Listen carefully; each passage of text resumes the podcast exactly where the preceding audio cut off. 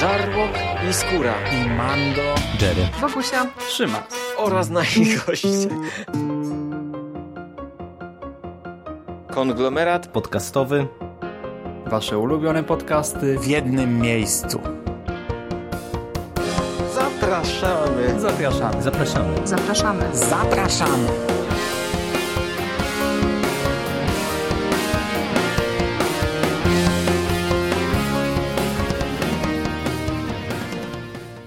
Witamy, witamy, witamy.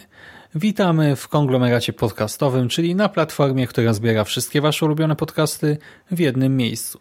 Po tej stronie mikrofonów witają się z Wami przedstawiciele dwóch obcych ras, Skróli i Kri. Nie powiemy, kto jest kim, ale jesteśmy tutaj właśnie we dwóch. Jest ze mną Michał Dżeryrakowicz, cześć. Cześć Szymas, witam wszystkich słuchaczy. I jestem ja, Szymon Szymaś-Cieśliński. Witamy również. Jak już teraz wiecie, nawet jeżeli ten podcast wam się automatycznie tak przypadkiem odpalił na YouTubie, no to już się domyślacie, że chcielibyśmy porozmawiać o najnowszym filmie z MCU, czyli o Kapitan Marvel. E, który to już jest film, Jerry? No, nie podejmuję się zgadywać. Dużo ich było. No właśnie, ja, ja też już nie pamiętam, czy 20, bo jakoś jak 20 któryś już chyba, nie? 20 czy 21? Tak, tak. No, no już tak mi się wydaje, że już przekroczyliśmy dwudziestkę przerażające. Ale jednak cały czas to oglądamy. Byliśmy w kinie, e, ty w ogóle jakoś tak bardzo szybko, ja tam kilka dni później. E, no i cóż, dzisiaj nie ma z nami Mando, ale e, w opiniach pewnie bylibyśmy zgodni. Mando może byłby trochę, miał odrobinę chłodniejsze podejście, ale to ewentualnie skomentuje. A my teraz właśnie wprowadzimy Was jeszcze krótko w fabułę. No, mniej więcej wiecie, czego się spodziewać, ale powiemy, jak to wygląda na początku filmu. Otóż poznajemy Vers. Vers kobietę, bohaterkę, superbohaterkę, która na co dzień szkoli się na planecie Kree pod okiem elitarnego wojownika Jon Roga. Nocami zaś zmaga się z urywkami wspomnień, które nawiedzają ją we śnie, które przychodzą do niej we śnie, ale nie składają się one na jeden spójny obraz i to strasznie męczy naszą bohaterkę. Pewnego dnia Zostaje ona wysłana wraz e, z takim elitarnym też e, zespołem sił specjalnych Kree o nazwie Star Force na misję. E, Vers wyrusza właśnie z pozostałymi wojownikami na odległą planetę, by odbić z rąk zmiennokształtnych skróli szpiega Kree, ale cała ta misja kończy się niepowodzeniem. Okazuje się, iż była to zasadzka, i na skutek e, tego Wers wraz z grupą Skrulli trafia na Ziemię i tam wraz z Nickiem Furym będzie musiała po pierwsze uratować naszą niebieską planetę, a po drugie oczywiście odzyskać utracone wspomnienia i dowiedzieć się, kim tak naprawdę jest. I myślę, że tyle informacji wystarczy na start. Zgadzasz się? Może tak być? Tak, tak, jak najbardziej. No i e, Jerry, no co powiesz o tym filmie, który e, z jednej strony, e, jeszcze jeżeli chodzi o oczekiwania, może powiem, że nie spodziewałem się niczego szczególnego, bo wydawało mi się, że to będzie troszkę zapchaj dziura do pewnego stopnia, w sensie nie, że zły film, ale taki, który niekoniecznie będzie dużo wnosił na przykład do uniwersum, poza tym, że wprowadzi tę bohaterkę, która odegra ważną rolę w endgame, w końcu gry, no ale potem właśnie poza tym większych oczekiwań nie miałem. No a jak wiemy też internet był raczej negatywnie nastawiony. Tak jak wcześniej wszyscy na przykład krzyczeli, przecież jakieś petycje się podpisywało w sieci, aby e, powstał film o Czarnej Wdowie, tak teraz pierwszy film o e, superbohaterce budził raczej jakieś tam kontrowersje, no w naszej opinii oczywiście niesłuszne. Ale właśnie to nastawienie było takie chłodne, neutralne. E, no i co ostatecznie dostaliśmy? Jesteś zadowolony? czy? Jest to tak. Jestem zadowolony, e, ale to też dlatego, że mm, moje oczekiwania były w sumie niewielkie. My o Captain Marvel rozmawialiśmy trochę na etapie e, promocji, na etapie trailerów, teaserów, które dostawaliśmy. No i to mm, wyglądało bardzo tak sobie. Ja z jednej strony na ten film czekałem z dwóch powodów. Po pierwsze, choć ja nie jestem absolutnie jakimś e, znawcą e, kosmosu Marvela, to e, po filmowych Strażnikach Galaktyki z jednej strony, z drugiej strony po komiksowej anihilacji jednej i drugiej, no to trochę tak jakby wciągnął mnie ten kosmiczny Marvel, chociażby dlatego, że to jest dla mnie cały czas coś dużo świeższego niż wiesz, te takie standardowe superhero, które dostajemy no na co dzień można powiedzieć, jeżeli się trzymamy tych Avengers i, i wszystkich bohaterów mniej lub bardziej z Avengers powiązanymi, E, no i tutaj e, na etapie właśnie tych e, zapowiedzi no było wiadomo, że pojawią się skróle, że powrócą Kree, było wiadomo, że zagościmy w kosmosie. No i ja byłem bardzo ciekaw, z czym tak naprawdę my tutaj będziemy mieli do czynienia. Wiesz, ile tego kosmosu będzie, ile dostaniemy akcji jakiejś takiej trochę większej związanej właśnie chociażby z wojną ze skrólami, e, ile tutaj e, akcji będzie się rozgrywało na Ziemi. Mm, no i druga rzecz, która e, mnie trochę intrygowała, to były te lata 90. No bo wiesz, to jest w sumie dosyć, mm, powiedziałbym, karkołomny zabieg ze strony twórców, e, że umieszczają 20 e, tam któryś film z serii tej wielkiej ca całej, no to, to, oczywiście to teoretycznie nie jest odcinek serialu, ale de facto jest odcinkiem serialu, no i wiesz, co, cofanie się w przeszłość na tym etapie jest to tyle problematyczne, że z jednej strony oczywiście stwarza pewne pole do E, zapełnienia nam pewnych białych plan, e, które gdzieś tam e, dostaliśmy. Natomiast z drugiej strony no, mamy podstawowe ryzyko związane z po pierwsze potencjalnym niskim napięciem całości, no bo wiesz, E, widzimy Nika Fury, e, akcja rozgrywa się przynajmniej w części na ziemi, e, no i to samo to już nam jakby będzie determinowało, że w teorii może być pewien problem z utrzymaniem napięcia, no bo wiesz, no wiemy, że te postaci przeżyją, wiemy, że nic się też na ziemi jakiegoś poważnego stać nie może, no bo coś byśmy wiedzieli po tych wszystkich 20 filmach, jeżeli do jakichś wydarzeń takich bardzo problematycznych miałoby dojść. E, no i e, z jednej strony to wiesz, to mnie intrygowało, z drugiej strony właśnie miałem lekkie obawy, jak to wyjdzie. I całościowo e, ja jestem zadowolony, a uważam, że to jest niezły film. Średniak, ale powyżej średniej zasadniczo. To, to na pewno nie będzie jeden z, z moich ulubionych filmów e, z MCU. E, on ma swoje problemy, ma swoje wady, o których myślę zaraz e, porozmawiamy. Natomiast ma sporo fajnych rzeczy i dla mnie to, co jest chyba najciekawsze i najlepsze poza samą postacią Captain Marvel, która mnie do siebie w 100% przekonała w tym filmie, to to, że Y, mimo że trailery, które mnie osobiście nastawiały raczej na nie, czemu dawałem upust wcześniej, y, bo zapowiadały taki dosyć standardowy origin, y, no okazało się, że mm, nas oszukały i ten film konstrukcyjnie jest naprawdę dobry, jest ciekawy i paradoksalnie wydaje mi się, że nawet pod kątem właśnie tego utrzymania napięcia, utrzymania uwagi, e, wydaje mi się, że tutaj twórcy stanęli na wysokości zadania i całość została na tyle dobrze rozpisana, że ja się dobrze bawiłem w zasadzie przez cały seans I e, no, uważam, że mimo wielu podobieństw i wielu, że tak, że tak powiem, już może pewnych problemów czy ułomności filmów e, z tego uniwersum, szczególnie z tych filmów takich, wiesz, o tych solowych postaciach wprowadzających nam te solowe postaci, które tutaj też dostajemy, no to mimo wszystko to jest naprawdę solidny, solidny film i no, no i tyle. No. I, I pozostaje nam czekać na Endgame. Hmm. No dobrze, no to sam już trochę narzuciłeś e, teraz nam strukturę tego podcastu, tak? Czyli trzeba będzie porozmawiać chwilę o kosmosie, chwilę o tych latach 90., e, no i też o samej e, Kapitan Marvel, ale może zacznijmy jednak od twórców, jeszcze im poświęćmy chwilę.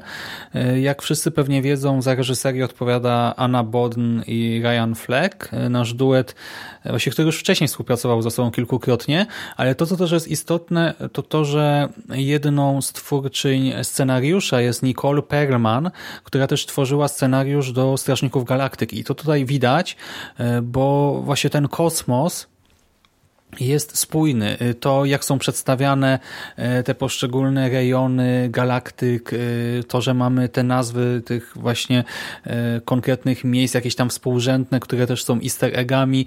Jeszcze chyba na tym etapie, kiedy nagrywamy, nie wszystko udało się odkodować, tak jak w Strażnikach Galaktyki, no ale na pewno fani w końcu sobie z tym poradzą.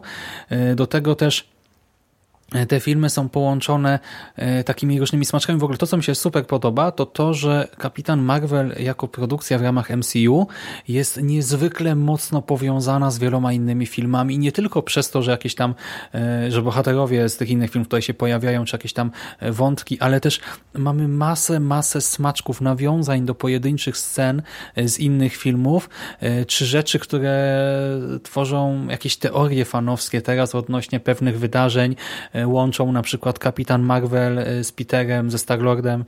E, on był Peter? Chwila, nie. Quill. Tak, tak, Peter tak? Quill. Tak. Okej, okay, dobrze.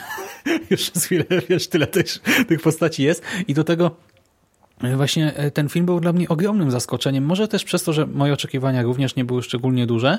Ja się spodziewałem po prostu takiego poprawnego originu e, z kilkoma mrugnięciami okiem i taką w miarę zadowalającą fabułką, wciągającą, e, ale nie pozostającą na zbyt długo w pamięci. A ostatecznie e, dostałem naprawdę bardzo dobry origin, taki, który ja stawiam w topce mojej.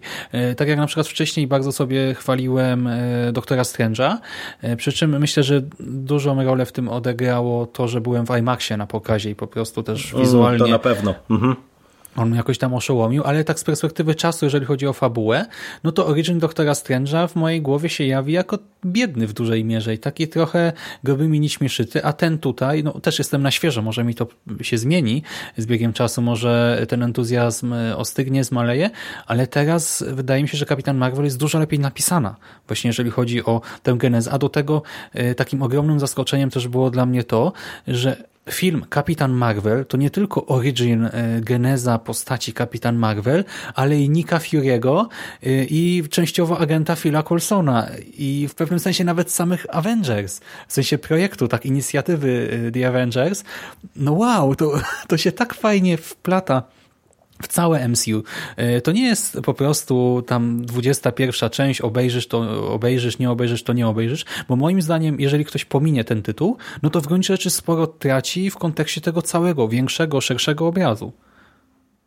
No dlatego ja tak trochę pół żartem powiedziałem, że to niby nie jest odcinek serialu, ale tak naprawdę jest, bo y, z jednej strony oczywiście można rozpatrywać ten film autonomicznie i on oczywiście serwuje nam pewną zamkniętą całość, natomiast tak jak mówisz, tych łączników pomiędzy tą produkcją a całym MCU jest bardzo dużo.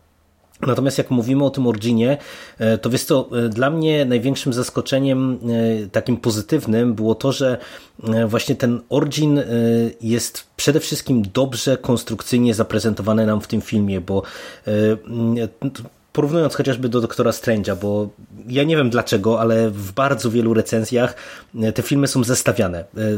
Mówię, że nie wiem dlaczego, dlatego że to są dla mnie kompletnie różne filmy. E, naprawdę. No ja teraz I... też tak e, to widzę, że znaczy ja nie czytałem teraz za bardzo recenzji, e, ale no właśnie Doktor też wydaje mi się zupełnie inny i właśnie gorszy pod wieloma względami, jeżeli chodzi o Origin. Znaczy, wiesz to, wydaje ci się gorszy, bo to jest po prostu taki bardzo klasyczny origin krok po kroku, gdzie dostajemy, nie wiem, postać jakąś tam na pewnym etapie życia, która po prostu nabywa moce i dochodzi do pewnej odpowiedzialności. A e, to, co e, dla mnie jest siłą tego filmu e, i siłą też, która bardzo mocno pozytywnie oddziałuje na moją percepcję tego filmu, Captain o którym Marvel. teraz mówimy. Mhm. Tak, tak, tak.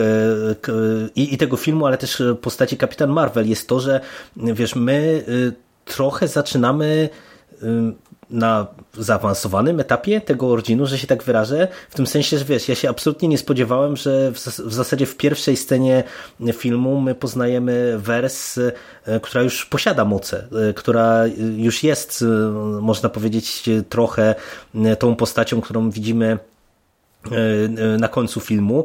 I mimo, że ona przechodzi dosyć długą drogę, to dla mnie to jest super. Niektórzy ludzie na to narzekają i też e, taką widzę narrację w e, recenzjach, że, e, że to jest słabe, że to się nie udało, że właśnie nie mamy tutaj żadnej drogi bohatera, mm, ale ja się absolutnie z tym nie zgadzam, bo to jest jak najbardziej dobrze zaprezentowany mm, rozwój postaci, tyle tylko, że po prostu zaczynamy od postaci, która już ma określone umiejętności, jest świadoma swojej wartości, posiada posiada określone moce, a po prostu kończymy z postacią, która e, no, jeszcze lepiej... Odblokowała pełnię potencjału. Tak, dokładnie. Jeszcze lepiej umie wykorzystać ten swój potencjał po prostu i, i na, dla mnie naprawdę pod kątem konstrukcji to, to była świetna rzecz, bo ja patrząc po tych trailerach to byłem autentycznie taki, wiesz, aż zniechęcony, że, że dostaniemy te wątki na ziemi, jakiś taki znowu rozwój od, wiesz, od zera do bohatera, właśnie taką klasyczną ścieżkę z jakimś nabyciem tych mocy w środku filmu i później z jakimś nagle zagrożeniem i tak dalej. Y, a tak naprawdę tutaj postawiono to na głowie i, i, moim zdaniem ten film, y, gdyby nie to, gdyby go właśnie tak y, zrobić bardziej standardowym i, i uprościć cały ten origin, co można by było zrobić, bo w zasadzie wiesz, ja sobie wyobrażam, że spokojnie by można było podejść do tego właśnie tak klasycznie, jak chociażby w, w przypadku doktora Strange'a. Mm. Bardzo, bardzo dużo by stracił. Zgadzam się i też ja bym go nie chciał skracać absolutnie, bo E, no właśnie to jest ta pierwsza superbohaterka, tak? I ona zasłużyła na to, by dostać pełny, e, właśnie taki pełnoprawny origin, a to, że on jest taki standardowy, to ja to w 100% doceniam. To jest dla mnie wartość jednoznacznie dodana i tym bardziej, jeżeli mówisz, że ludzie to krytykują, to się cieszę, że e, troszkę sobie odpuściłem tym razem akurat tego typu przygotowania do audycji, bo raczej się skupiłem na takich bardziej obiektywnych esejach, nie recenzjach, co jakichś tam smaczkach tego typu omówieniach na YouTubie. Kurczę, no przecież e, poznajemy postać, e, tak jak mówisz, z, z dużym potencjałem, e, ale jednak właśnie zagubioną, nie? I w jakiś tam sposób no nie wiem, manipulowaną. W sumie to jest trochę jak ze Starlordem, nie? że my też go poznajemy od razu e, bardzo szybko w tej takiej dorosłej formie, ale tutaj właśnie mamy masę tych detali z przeszłości, e, przy czym e, masę na zasadzie, że one budują skomplikowaną, ciekawą historię, ale jeżeli chodzi o czas ekranowy, to one nie zajmują dużo czasu. Tak naprawdę te scenki z przeszłości to jest jakiś tam ułamek całości tego filmu. Troszkę mamy też po prostu rozmów na ten temat. E, troszkę rzeczy wynika e, po prostu z wydarzeń, tak wyciągamy pewne wnioski też na bazie tego, co widzimy. Jest troszkę bardziej nachalnej ekspozycji, no bo jednak ten film też ma trafić do młodszej widowni, ale nie takiej, która by jakoś mocno przeszkadzała, wybijała. I e, właśnie my tak sobie troszkę skaczemy, e, ale jednocześnie właśnie odkrywamy to powolne odblokowywanie pełnego potencjału, by w finale zobaczyć już taką super bohaterkę z pierwszej ligi w pełnej krasie. E, I to gra bardzo dobrze i też czasowo to jest świetnie rozpisane, bo ja absolutnie w 100% się zżyłem z naszą bohaterką, z Carol Danvers, tak? Współodczuwałem w 100%, całkowicie rozumiem jej motywację i zachowania, każdy jeden gest tutaj, wszystko i w ogóle ten film moim zdaniem bardzo dobrze radzi sobie jeżeli chodzi o obrazowanie e, relacji e, w takiej skali mikro, w sensie między na przykład parami czy trójkami bohaterów, e, no to wypada super, takie dosłownie czasami kilkusekundowe scenki, spojrzenia, wymiany, nie wiem, jednego zdania, dwóch zdań, trzech zdań, to jak się rozwija relacja między właśnie Carol Danvers a Nickiem Furym, czy między Furym a Colsonem. Tam mamy na przykład taką ucieczkę z budynku, nie? I to jest dosłownie chyba jedno zdanie tam pada i mamy tylko spojrzenie na twarz jednej postaci, drugiej postaci, a to wyraża więcej niż, niż tysiąc słów, że zacytuję reklamę tego Raffaello chyba, czy nie, Merci, nie wiem już, ale po prostu no to było tak niesamowite i to jest masa takich malutkich scenek, e, gdy Carol Denver spotyka się e, ze swoją przyjaciółką z dawnych lat, czy z jej córką, to, to są czasami dosłownie, e, no nie wiem, kilkunasto, kilkudziesięciosekundowe ujęcia, czasami nawet właśnie tam bohaterowie nic nie mówią, tylko na siebie patrzą, a czasem właśnie prowadzą jakąś tam gwałtowną, szybką wymianę zdań, ale w tym wszystkim jest masa emocji. I to zarówno pod kątem właśnie scenariusza, jak i aktorstwa, no ja się poczułem porwany. E, ja często na tych filmach, wiesz, tam przeżywam e, te wszystkie tam wielkie intrygi, e, ale jeżeli chodzi o takie mniejsze scenki, to, to tak, wiesz, no śledzę sobie jak kadr w komiksie, wiesz, rzucam okiem, ok, przyjmuję, lecę dalej, a tutaj ja się czułem zaangażowany też, jeżeli chodzi o tę warstwę dramatyczną i komediową, bo ten film też jest przezabawny. Ma kilka takich scen, że cała sala się śmiała w kinie i to w taki przeuroczy sposób. To był naprawdę taki śmiech, e, wiesz, wewnętrznego dziecka. E, taka po prostu, taki banan na twarzy totalny i to było słychać i ludzie byli zachwyceni, tak zauroczeni. E, no dla mnie to jest ogromny sukces. To poruszyłeś bardzo dużo wątków. Sorry. To tak od, od końca zaczynając. Ja się w pełni zgadzam, że humor tutaj jest wyjątkowo trafiony, dlatego że z niektórymi tymi filmami wcześniej było tak, że ten humor nie do końca do mnie trafiał. Wiesz, ja na przykład jestem wielkim fanem Tora Ragnarok, który pod tym kątem moim zdaniem jest wzorcowo rozpisany, ale już niektóre te sceny komediowe, nawet chociażby w drugich Strażnikach Galaktyki, no to jak sobie przypomnicie naszą dyskusję, już mniej do mnie trafiały. I, i to z tym humorem w tych filmach bywa różnie. Mhm, mogę, mogę? Tylko słówko?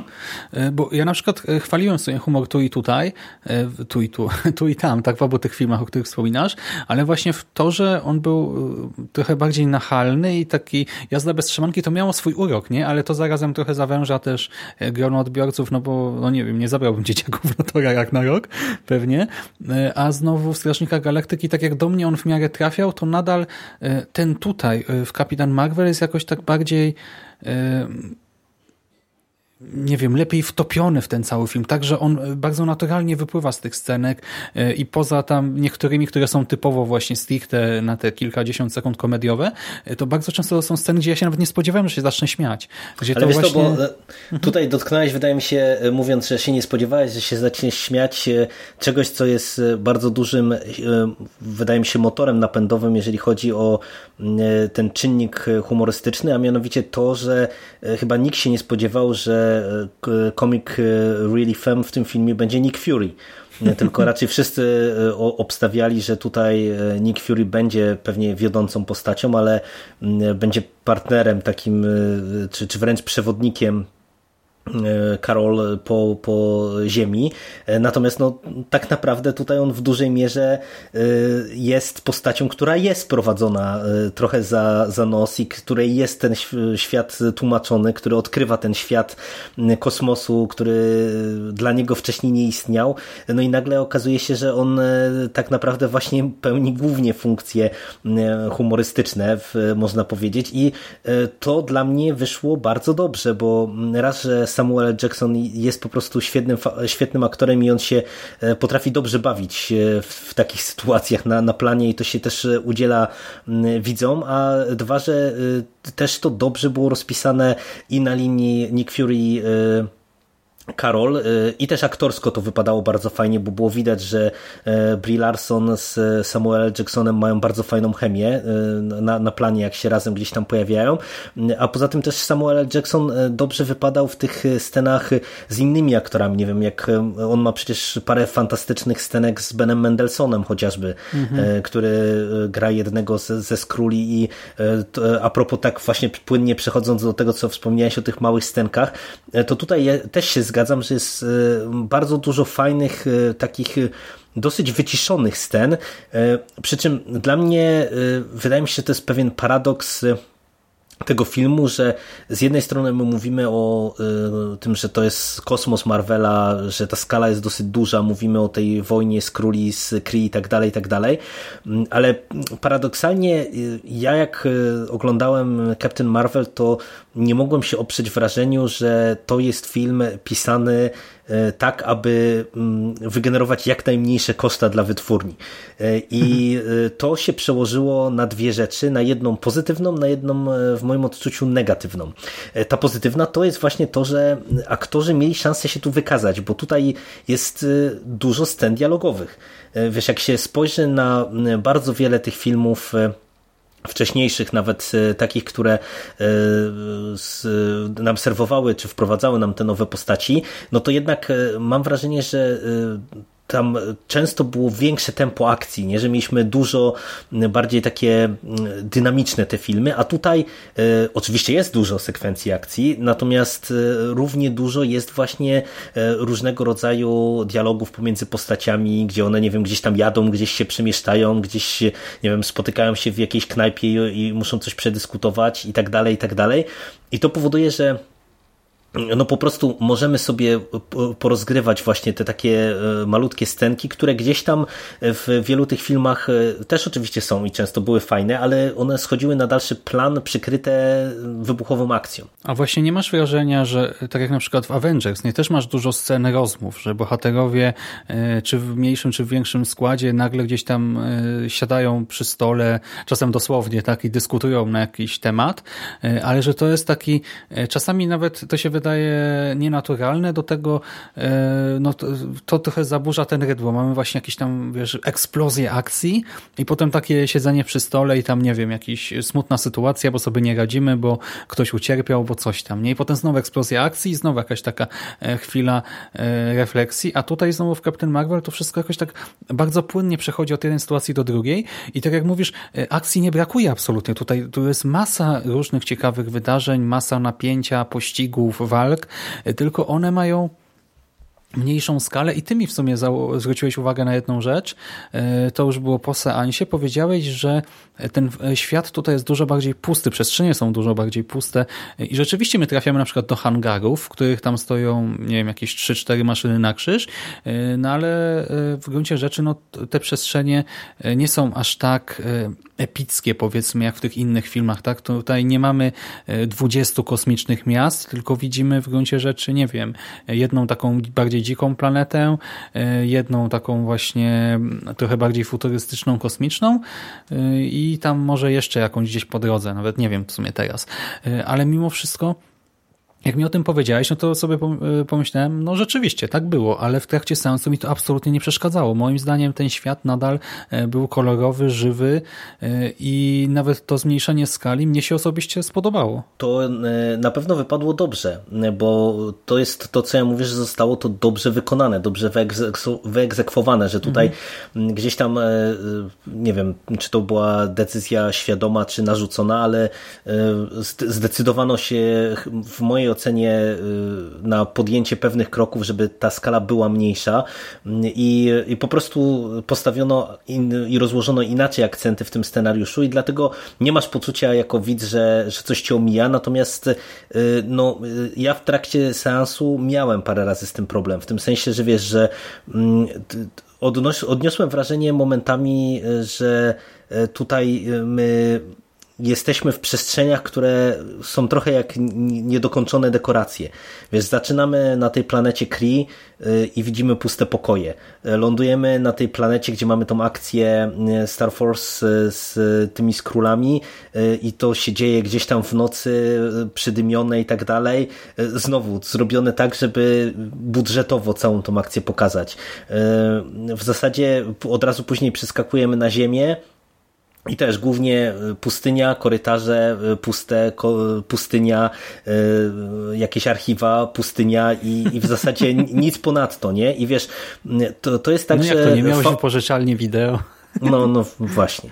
No wiesz, no, ale, ale rozumiesz, jak, jak, jakby jaki jest problem, że tutaj naprawdę no, widać taką małą skalę. Jak, jakby no, brakło budżetu, brakło, nie wiem, jakiegoś takiego pewnego inscenizacyjnego rozmachu, co, co nie do końca jest dla mnie jasne, bo ja się trochę śmiałem po seansie, jak sprawdziłem budżety, że to, to chyba ten budżet to poszedł w całości na catering i odmłodzenie Samuela L. Jacksona, bo ten film teoretycznie budżet podawany gdzieś tam w internetach ma chyba tylko 8 czy 10 milionów mniejszy od Doktora Strange'a, a jak e, wiesz, przypomnimy sobie rozmach e, efektów specjalnych i tego, co dostaliśmy w Doktorze Strange'u, a tutaj to jest po prostu nieba ziemia, bo nie dość, że jakby mam wrażenie, że tutaj jest ubogo tak inscenizacyjne w kontekście, wiesz, świata przedstawionego, ale też te efekty specjalne są takie, powiedziałbym,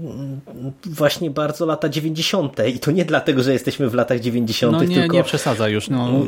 Mamy, mamy na przykład, wiesz, te sceny z y, tym najwyższym y, intelektem, czy, czy jak to tam było przetłumaczone, y, czyli tym wodzem Kree i no i to dla mnie wyglądało to naprawdę tak biednie, nie? Kupowałem no, nie to w kontekście tego filmu. No. No, no, wczesne 2000. No. Znaczy nie, nie, to się nie zgodzę. Nie, dla mnie to wyglądało ok i absolutnie mi to, znaczy jak tak o tym mówisz, to nie wiem, może rzeczywiście, ale dla mnie to miało sens, no bo kurczę, nie wiem, na początku masz na przykład to puste pomieszczenie do walki, no bo to ma być e, pomieszczenie do walki, gdzie mają się tylko tłuc w ładnym pomieszczeniu, nie wiem, e, masz tę planetę, no ale to ma być jakaś tam dzika planeta na obrzeżach e, no całego tego, całej tej galaktyki podbitej przez Kree.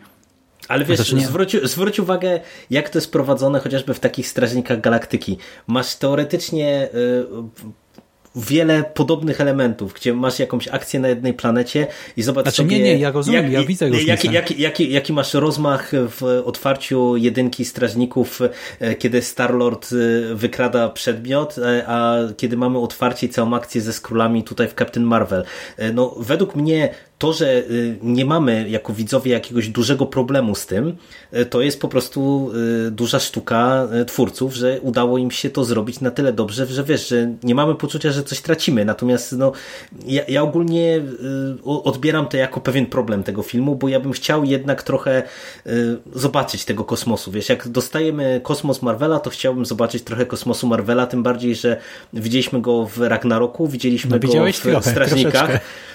No, no i po prostu, wiesz, e, trochę nie kupuję tego, że tutaj nic nam nie, nie, nie pokazano tak naprawdę poza, wiesz, powrotami paru postaci.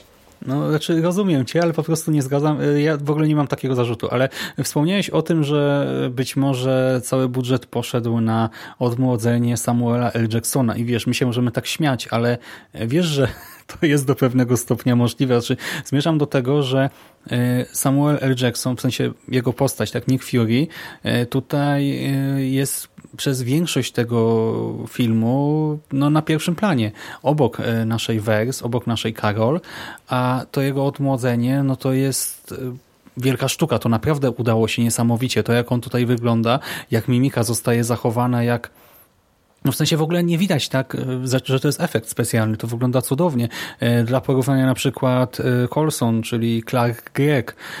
Na początku mamy taką scenę w samochodzie, gdzie przez moment no było widać, że chyba właśnie budżet się zaczął kończyć, bo on prawie nie ruszał mięśniami twarzy. E, to może jest e, no tam kilka tylko rzutów kamery na niego, e, na tę jego twarz i to jakoś pewnie większość widzów w ogóle na to nie zwróci uwagi, ale no widać było, że już tutaj kasa się kończyła, a przy Samuelu no to ten efekt jest niesamowity. To się, no to, to wygląda przepięknie. I no, to jest smutne, ale to chyba jest przyszłość jednak kina, tak biorąc pod uwagę tendencje, no to skoro to technologicznie jest wykona wykonywalne na takim poziomie, to na pewno to się będzie rozprzestrzeniać, to będzie stosowane coraz częściej. No, nie wiem, podobał Ci się Nick Fury? Młody Nick Fury?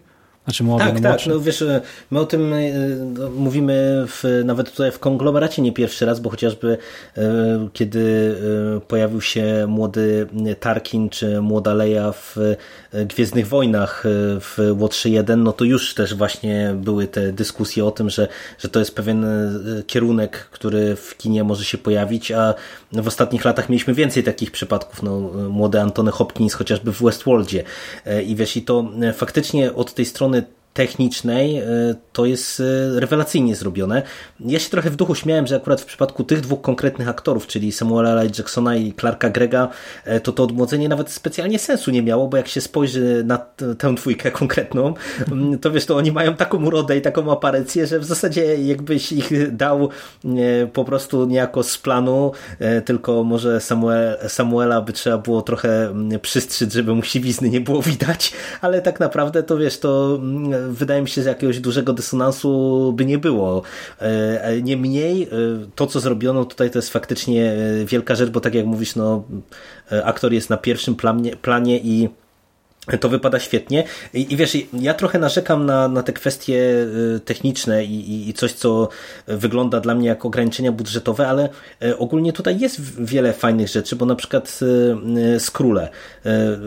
Tak mieliśmy mówić trochę o kosmosie Marvela, mało o tym mówimy, ale wiesz, ale na przykład Skróle i, i przemiana Skróli to są dla mnie rzeczy, które są fajnie zrobione.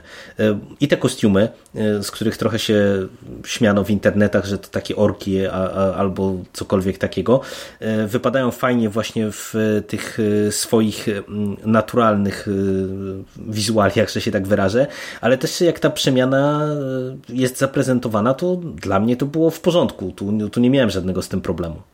Mm. I to, że skróle teoretycznie wszystkie wyglądają jakoś tam podobnie, ale jednak gdy w pewnym momencie widzimy ich więcej, y, no to też widać, że to nie jest nie wiem, jeden kostium tak, pomnożony razy tam 6-7 y, sztuk, czy 10-15, tylko że jednak tutaj zadbano o takie różne detale. Nie widzimy młodego skróla, który jest też świetnie zrealizowany y, od strony technicznej. Mm.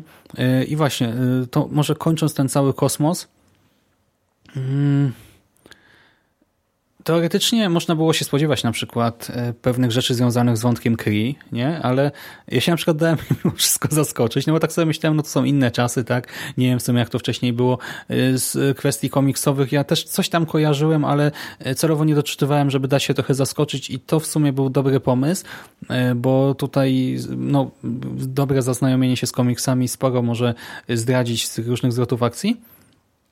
I rzeczywiście nie zwiedzamy tego kosmosu za bardzo, ale e, też e, zobaczymy na przykład możliwości Kapitan Marvel, jeżeli chodzi o e, w ogóle używanie mocy w samej przestrzeni kosmicznej. I to wszystko też wyglądało ładnie i rozbudziło moją wyobraźnię pod kątem przyszłych filmów, nie tylko samego Endgame, ale tak sobie pomyślałem, że w sumie fajnie by było zobaczyć jakieś kolejne solowe filmy Kapitan Marvel po prostu z tego okresu, nawet między tym filmem a Endgame, czy też jej spotkanie spotkanie z, ze Strażnikami Galaktyki gdzieś, kiedyś, tymi czy innymi. E, no, ogólnie czułem się e, tak zachęcony, wiesz, zajawiony na tego typu historie. No, zdecydowanie tak.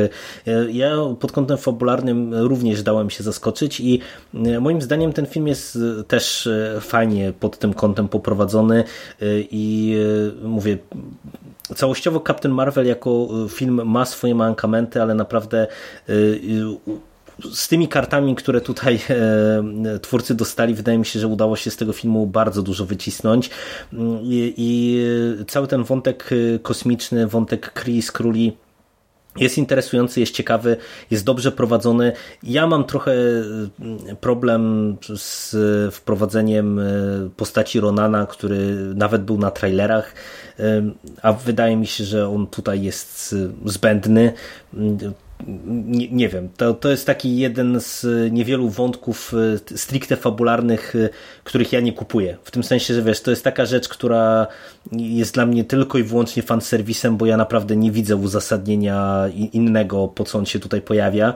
To znaczy, e, ja widzę, Jerry. Ja myślę, że on po prostu, on i Kapitan Marvel powrócą w jakimś filmie innym i to właśnie nie w Endgame, a po prostu w jakiejś osobnej produkcji, bo to jest mm. zapowiedziane niemalże wprost tutaj.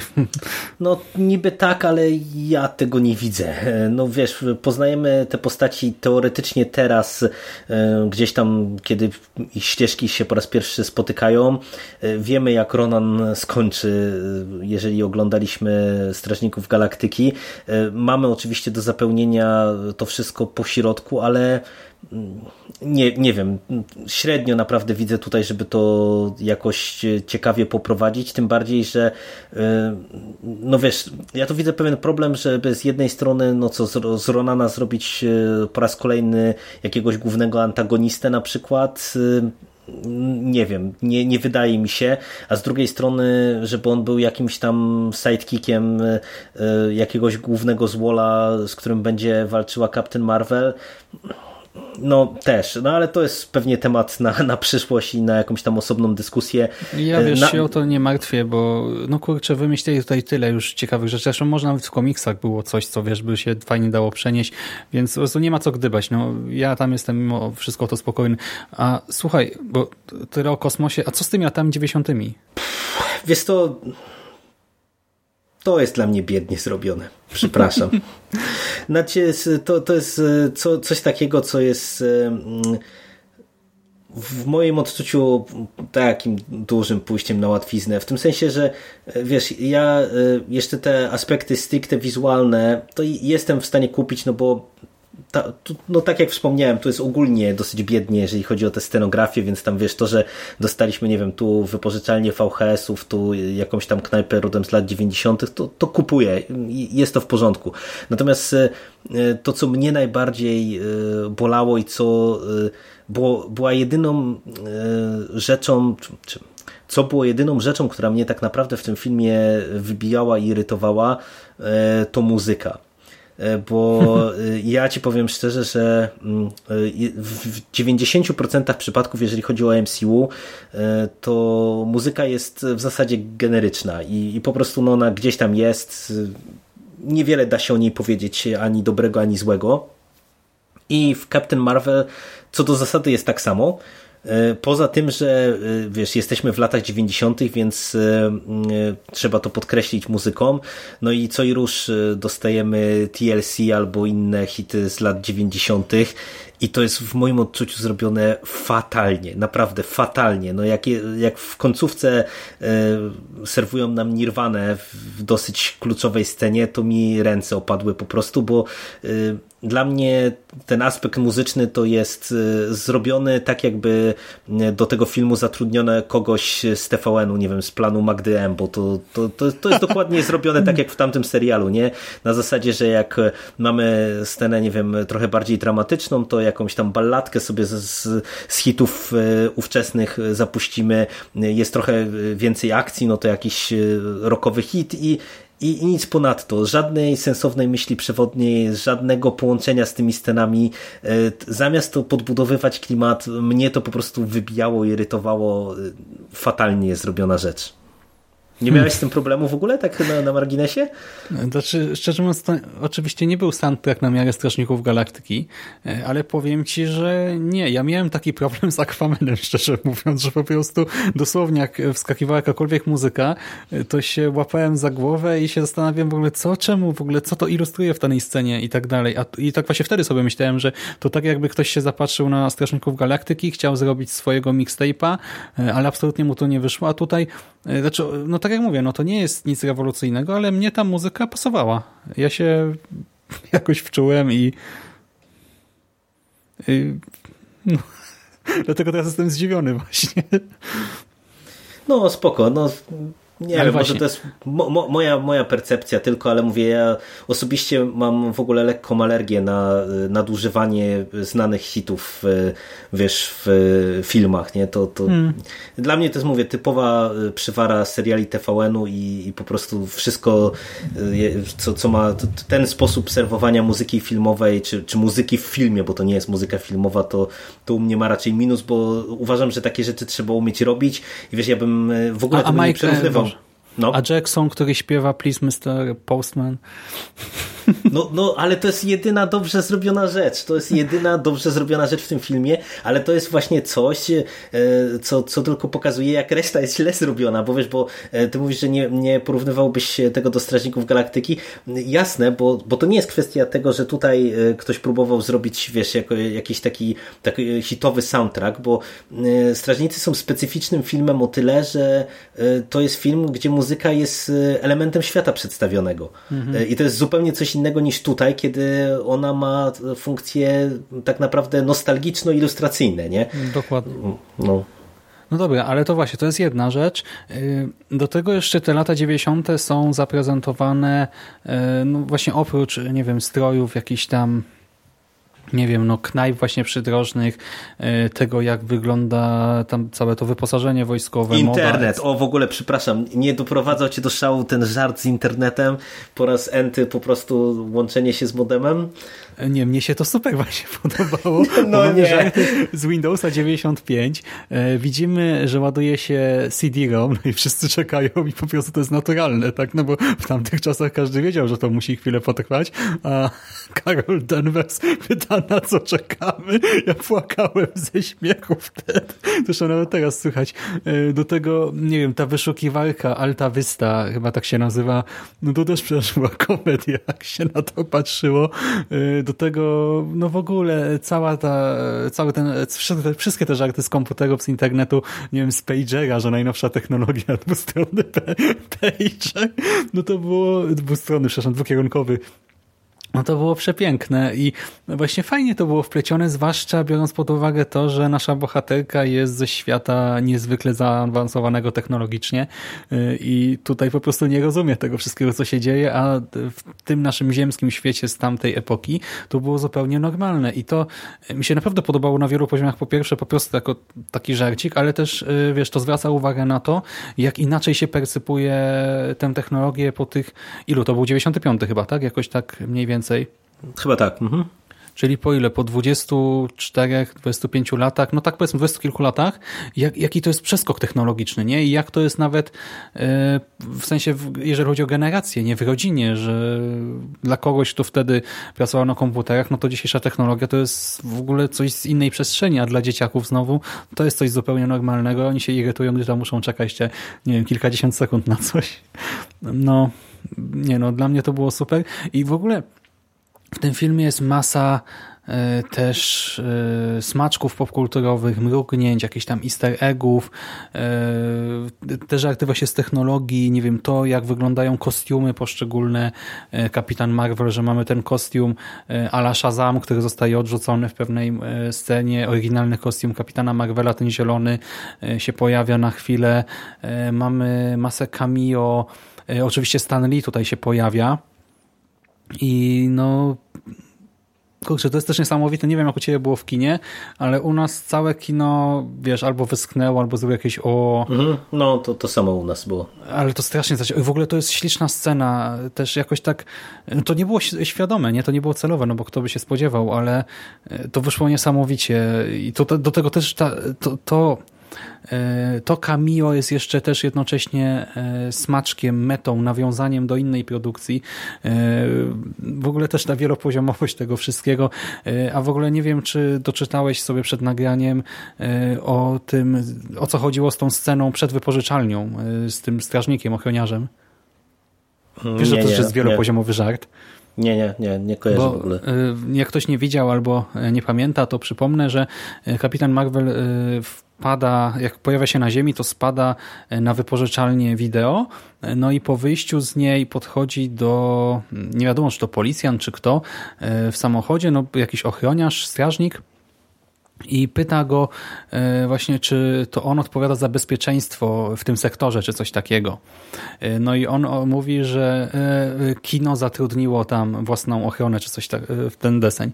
No i okazuje się, że ten ochroniarz przed wypożyczalnią to jest Barry Curtis, czyli facet, który właśnie ma funkcję Security Director, Marvel Security, na planie wszystkich filmów, odpowiada za bezpieczeństwo, ale związane chyba przede wszystkim z informacjami na IMDb ma właśnie wszędzie napisane przy każdym filmie Marvela Marvel Security y, i ma zapobiegać między innymi przeciekom dotyczących, y, przeciekom dotyczącym poszczególnych produkcji.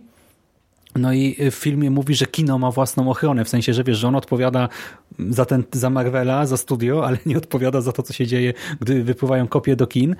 I to jest jeszcze o tyle zabawne, że były, był taki wywiad między innymi z Markiem Rafalo, w którym on zaspoilował jak gdyby koniec Infinity War, w sensie powiedział coś na zasadzie, że poczekaj do końca tego filmu, wszyscy zginą. I nie pamiętam, kto wtedy z nim występował, ale ktoś do niego, stary, dude, tak weź, ogarnij się, co ty robisz, nie? I Rafalo zapytał, czy Barry będzie wściekły, nie? No i teraz ten facet nazywa się właśnie Barry Curtis i to jest on i już się wszystko składa w większą całość. I też takie, takie niby, wiesz, niepozorne cameo, po prostu, tak po prostu śmieszna scenka, bo my myślimy, że on tak ją zbywa, no bo patrzy sobie jakaś wariatka spadła z nieba, tak? Dziwnie ubrana i to, a tu się okazuje, że to ma jakąś tam, wiesz, wielopoziomową konstrukcję jako żart. I tu tego jest więcej, przecież nie wiem, powraca kwestia zranionego oka, nie? I tego tekstu, gdzie to było w Civil War chyba, y, jak Nick Fury powiedział Rogersowi, że kiedyś komuś zaufał i wtedy stracił oko. Mhm. Tak, tak. No przecież to jest przepiękne. I, I to jak potem na, to pod koniec wraca tutaj, nie jak Carlson y, no na koniec też do tego nawiązuje i nikt nie chce się przyznać do końca, co się zadziało. To też widziałem, że ludzie krytykowali, że to jest żałosne, że w ogóle to jest poniżenie tej postaci. No właśnie nie, to idealnie do niej pasuje, nie, nie uważasz? To, to są dwa aspekty. Raz, że e, moim zdaniem to e, było dobrze zrobione w kontekście całości tego filmu, e, bo to po prostu pasowało do tego wszystkiego, co widzieliśmy wcześniej i pasowało do Nika Fury, który, którego dostajemy w tym filmie. To jest po pierwsze, a po drugie według mnie to jest trochę sytuacja jak to, o czym King wielokrotnie pisał w przypadku horrorów, gdzie wiesz, wszystkim się wydaje, że jest łatwo zrobić rozwiązanie jakiejś tam zagadki, ale tak naprawdę według mnie no, temat oka Nika Fury i tego, jak on to stracił, to po tych już 20 filmach, to, to wiesz, to każdy miał jakieś swoje wyobrażenie, a szczególnie mhm. mając w głowie wyobrażenie na temat Nika Fury i wiesz, wydaje mi się, że czegokolwiek by twórcy nie zaserwowali, to jakaś grupa by była niezadowolona, no bo, no bo tak by było, no bo każdy już jakieś swoje wyobrażenia na ten temat w głowie wiesz, sobie zrobił i no jakkolwiek kozackie by to nie było, to, to ktoś by mógł mieć e, uwagi co do tego, że na przykład tak to się nie powinno zadziać no, albo ale coś właśnie, w tym stylu. A tutaj studio poszło w kierunku czegoś totalnie odjechanego i trzeba mieć jaja jednak, żeby coś takiego zrobić, a do tego ja się zastanawiam, kiedy wpadli na ten pomysł, no bo zobacz na kształt blizny, nie? To idealnie pasuje, no to mhm. zakładam, że to nie był przypadek i do tego właśnie tutaj widać masę takich rzeczy, które gdzieś tam były z tyłu głowy prawdopodobnie już kiedyś przy innych scenariuszach, no bo właśnie właśnie ta kwestia zaufania tutaj i utraty oka, nie? To powraca idealnie. E, do tego e, w Avengers pierwszych bodajże, e, gdy Czarna Wdowa zbiera właśnie naszą, naszych bohaterów tak w ramach tej inicjatywy, w ramach tego projektu, no to przy pierwszym spotkaniu z Bruce'em Bannerem ona właśnie mu mówi coś na zasadzie, że Nick znalazł Tesseract, no i potrzebuje twojej pomocy, a Bruce Banner pyta, no i czego ode mnie chce, mam go połknąć? No i przecież w kontekście tego filmu, to tamta mhm. jedna linijka, która była e, no, bez jakiegoś wielkiego znaczenia, nagle nabiera nowej jakości i też sprawia, że ja się, ja mam teraz banana na ustach, ja się cieszę jak dziecko, e, no i takich rzeczy pewnie jest jeszcze więcej, tylko też nie wszystkie człowiek zauważy, czy nawet sieć znajdzie tak od razu.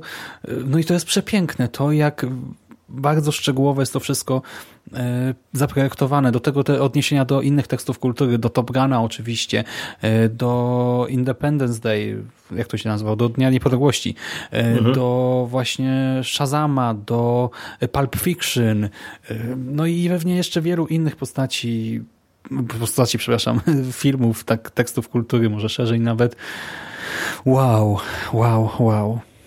Ale e, bo tak e, rozmawiamy o wielu e, rzeczach w sumie w kontekście Captain mhm. Marvel, to ja cię zapytam teraz, jak ci się podobała sama postać Carol Danvers i, i Captain Marvel już po, po tej przemianie, no bo umówmy się, że właśnie przed przed seansem, kiedy ten film e, jakby już miał debiutować, no to e, sporo się pojawiło jakby takich negatywnych głosów, czy obaw o to, że będziemy mieli tutaj do czynienia z feministyczną propagandą, czymkolwiek jest feministyczna propaganda, ale czy miałeś problem z postacią Carol, z postacią Captain Marvel, z tym jak ona jest portretowana, czy ta postać cię kupiła i czy właśnie, nie wiem, poczułeś się jako widz, że masz do gardła wpychaną jakąś e, lewacką, feministyczną, czy jeszcze Bóg wie jaką propagandę, czy, czy nie? Czy uważasz, że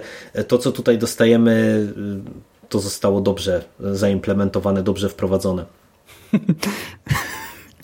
O, piękne, piękne jest to, jak podprowadzasz to pytanie, bo ja teraz e, w pełni szczerze muszę powiedzieć, że jako Polak, katolik, biały, w pełni heteroseksualny mężczyzna e, z patriarchalnej rodziny, e, czułem, że dużo łatwiej mi się utożsamiać z Carol Danvers niż z wieloma męskimi bohaterami MCU, ale poważnie, ja teraz nie robię sobie jaj, bo Kurczę, historia Karol, jako właśnie tej dziewczyny, w sensie no, dziecka, tak, które miało pewne marzenia, yy, próbowało jakoś realizować, przeżywało pewne niepowodzenia, ale cały czas brnęło do przodu, cały czas yy, ponawiało próby po każdym upadku. Potem właśnie dziewczyny i ostatecznie młodej kobiety yy, no to przecież jest historia, którą widzimy w wielu filmach, nie wiem, o, o sportowcach na przykład, tak? Czy o jakichś kujonach, nerdach, y, którzy osiągają sukces w życiu. Nie wiem, to jest historia podobna do e, tej z Karate Kid chociażby nawet. Y, I widzieliśmy to już tysiąc razy w kinie, ale tutaj właśnie to jest, to nie tylko jest powtórzone, ale to jest zrobione naprawdę bardzo, bardzo dobrze, bardzo pieczołowicie dopieszczone i tak w taki naturalny sposób. Ja naprawdę tutaj powracają takie mikroscenki, nie z tych różnych etapów życia mhm. E, Karol. I e, one też prowadzą taką spójną narrację, w sensie widzimy te e, porażki, widzimy to wstawanie po porażkach i widzimy to zaparcie, które prowadzi ostatecznie do sukcesu. No to jak doszło do tego trzeciego poziomu, to ja autentycznie miałem łzy w oczach i zaciśnięte pięści. Ja się trząsłem w fotelu i wiesz, tak to przeżyłem na zasadzie, tak, uda ci się, zrobisz to, tak musisz. I tak sobie pomyślałem, że kurczę, e, dla, e, skoro ja to tak przeżywam, tak jako dorosły facet e, w kinie, no to dla dziewczynki właśnie nastoletniej, czy młodej kobiety, no to zakładam, że ta empatia działa jeszcze lepiej i to musi mieć niesamowitego kopa. I jestem zachwycona do tego Brie Larson.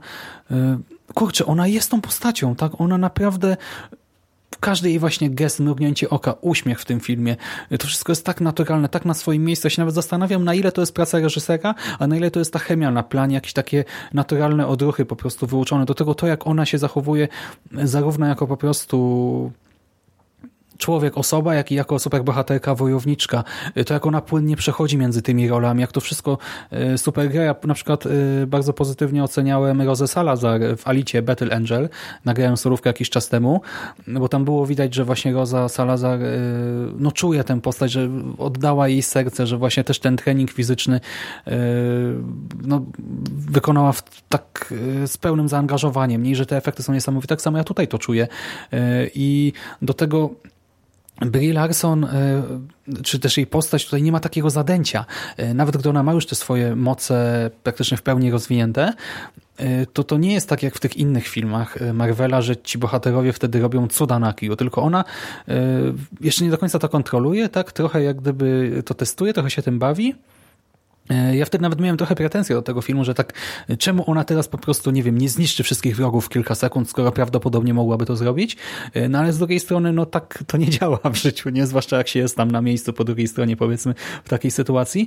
I ostatecznie jestem zachwycony całkowicie jej grą aktorską, tym też jak została wykorzystana e, jak to ująć? W sensie, że wiesz, że jako kobieta nie została poddana jakiejś takiej seksualizacji ciężkiej, że ten kostium jest taki, a nie inny, że ona jest zaprezentowana tak właśnie dziewczęco, tak y, no ona jest bardzo atrakcyjna, ale jest tym wszystkim taka urocza dziewczęca, a nie jest jakąś y, no podkładką pod masturbację za przeproszeniem, tak, dla napalonych facetów, którzy pójdą do kina i y, no dla mnie no ideał tutaj pod każdym względem. Świetnie to zagrało. Naprawdę byłem zachwycony tą postacią.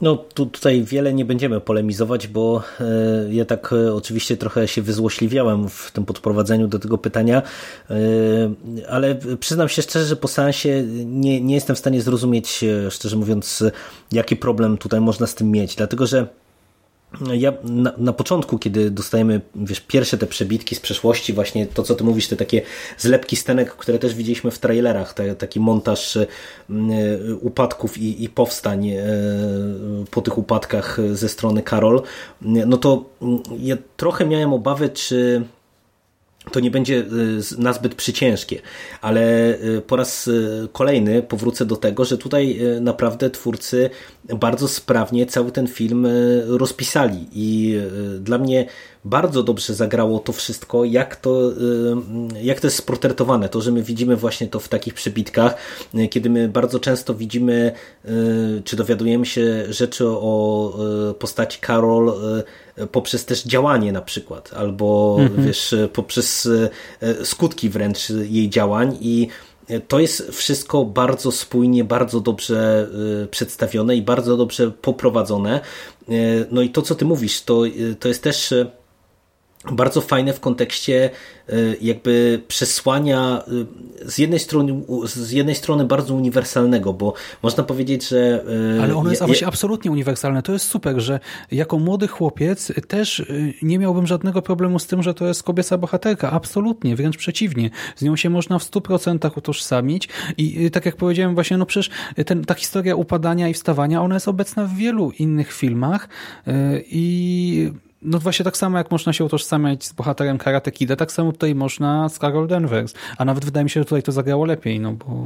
No, wiesz, no, tak. no, bo to jest właśnie ta uniwersalność, o której ja mówię, wiesz, no y, jakby y, nauka płynąca z tego, że y, po upadku trzeba otrząsnąć kolana i zewrzeć szyki i iść do przodu, no umówmy się, to nie jest coś, co jest przypisane do płci, tylko no po prostu to jest rzecz właśnie typowo ludzka, ja bym powiedział. E, natomiast to, jak to zostało sportretowane, wydaje mi się, że to y, jest naprawdę ważny film w kontekście mm, y, jakby reprezentacji kobiecych bohaterek, bo y, mnie w tych wszystkich dyskusjach około tego filmu bardzo dziwiło to, że nie wiem, tak jak chociażby mieliśmy do czynienia z całą tą akcją wokół ocen na Rotten Tomatoes, kiedy ludzie dawali jedynki właśnie na zasadzie takiej, że y, czemu nam wciskają kobietę y, na pierwszy plan, y, bo ja mówię, że to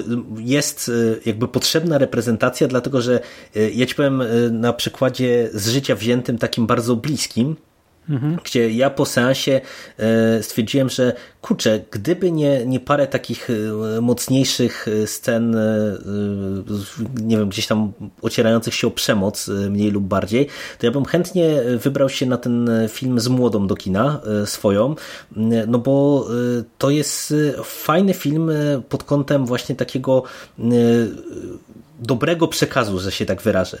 Dobrze zrobionego, dobrze zaimplementowanego, coś, co by jej się mogło spodobać, co jest o tyle ważne, że y, ja dzisiaj miałem z nią rozmowę na zasadzie takiej, że wiesz, y, to jeszcze się słuchacze o tym pewnie dowiedzą, bo pewnie będziemy nagrywać jakiś pod, podcast za czas jakiś. E, dzieciaki moje się wkręciły mocno w Gwiezdne Wojny. No i ja od paru dni zauważyłem, że tak moda, tak jakby mniej chętnie nagle do tych Gwiezdnych Wojen, do, do tych gier zaczęła sięgać i, i e, coś dzisiaj od słowa do słowa, no i wyszło, e, że ona mi mówi, że ale Gwiezdne Wojny to są dla chłopaków. Ja mówię, ale mhm. jak są dla chłopaków? E, no bo jej w przedszkolu chłopacy powiedzieli, że Gwiezdne Wojny to są dla chłopaków i, i że się wyśmiewają z niej, że, e, że ona w, gra w Gwiezdne Wojny, czy ogląda Gwiezdne Wojny, a to jest coś takiego dla chłopaków, nie? No i miałem z nią, wiesz, dyskusję i tłumaczenie, że przecież to bzdury i, i tak dalej, i tak dalej. A nie było takiej akcji kiedyś z jakąś, tylko że to chyba w Stanach, także była dziewczynka, co e, że piórnik jej wyśmiali, bo był z Gwiezdnych Wojen i potem się zrobiła wielka kampania w sieci? Bo nawet do mnie Mo- wtedy możliwe, dotarło. możliwe, możliwe. Wiesz, no, y, natomiast to pokazuje jak- jakby w ogóle pewien problem, pewien, pewną głupotę jakby postrzegania y, tego, że po co nam jest potrzebny film z kobiecą bohaterką? No właśnie po to, że, że wiesz, jak y, dla dziewczynek czy, czy dla dzieciaków, którzy no, w tej chwili tym żyją, no bo umówmy się, że Marvel, ten kinowy, ma potężny wpływ na całą popkulturę w, w mojej ocenie, no bo wiesz, to, to są e, zabawki, to są gry wideo, to, to są seriale, to są filmy i tak dalej, i tak dalej. To są E, no i to- ziemniaki, Jerry, tak samo Tak, jak no wszystko, Wojny, no. cebula, no. Dokładnie, więc wiesz, więc e, to jest coś, co wpływa bezpośrednio na, na te e, młode umysły. E, No i wiesz, film, dzięki któremu znaczna część populacji będzie mogła się zidentyfikować lepiej e, z jakąś tam postacią, moim zdaniem e, jest ważny i co, co jest też e, bardzo pozytywne, no to mówię, to zostało zrobione tutaj po prostu dobrze. Wydaje mi się, że naprawdę e, absolutnie y, trzeba by mieć, czy trzeba by się wykazać sporą e, dozą niechęci, żeby się przyczepić tego aspektu w tym filmie, dlatego że nawet w kontekście m, ostatniej sceny e, na linii e, Karol, e, no jeden z antagonistów, żeby tutaj nie, nie spoilerować. e, Indiana który- Jones style. E, Tak, dok dokładnie, dokładnie ta scena. E, Natomiast ja widziałem w niektórych recenzjach, że mm, jest to krytykowane mniej lub bardziej, że to jest właśnie jako po- podawane jako przykład tej takiej nadmiernej e, feminizacji, czy jakiegoś takiego e, feministycznego akcentu, a No to ktoś Y- musi mieć bardzo małe przyrodzenie, jeżeli czuje się zagrożony przez taką scenę. No, no, no, właśnie ja, ja do końca tego nie rozumiem, dlatego że e, wracam do tego jak mantra w tym podcaście, to jest znowu dobrze podprowadzona scena, w tym sensie, że wiesz, e, można by się do tego przyczepiać, e, jeżeli by wyrwało się taką scenę z kontekstu, ale tak Ale jak mówisz, sorry, Indiana Jones wyrwało. No ale Indiana Jones zrobił to e, dawno temu i nikt z tym problemów nie ma, tylko to weszło do kanonu popkultury, E, ale wiesz, no ja rozumiem, że jak ktoś e, chciałby użyć tego argumentu w dyskusji i wyrwałby to z kontekstu, no to łatwo by to było mm, e, przeinaczyć, tak jak wiele słów Brie Larson e, która ma ciężkie życie wokół e, e, premiery filmu właśnie ze względu na to, że różne jej wypowiedzi są często wyciągane z kontekstu i przeinaczane. Ale kiedy obejrzysz ten film, e, to widać, jak dobrze te, te postaci są prowadzone do, do tego konkretnego e, motywu, do tej konkretnej sceny i jak e, dobrze to wszystko gra. Nie? To moim zdaniem to jest, e, to jest bardzo dobrze e, rozpisany film i mi się podobało to, że tutaj mamy to zrobione tak, a nie inaczej. Ba, ja nie wiem, czy ty widziałeś Wonder Woman w końcu, czy nie? Nie widziałem. Ale wszyscy znajomi, którzy byli ze mną w kinie, widzieli i mówili, że jest dużo gorsza od Captain Marvel.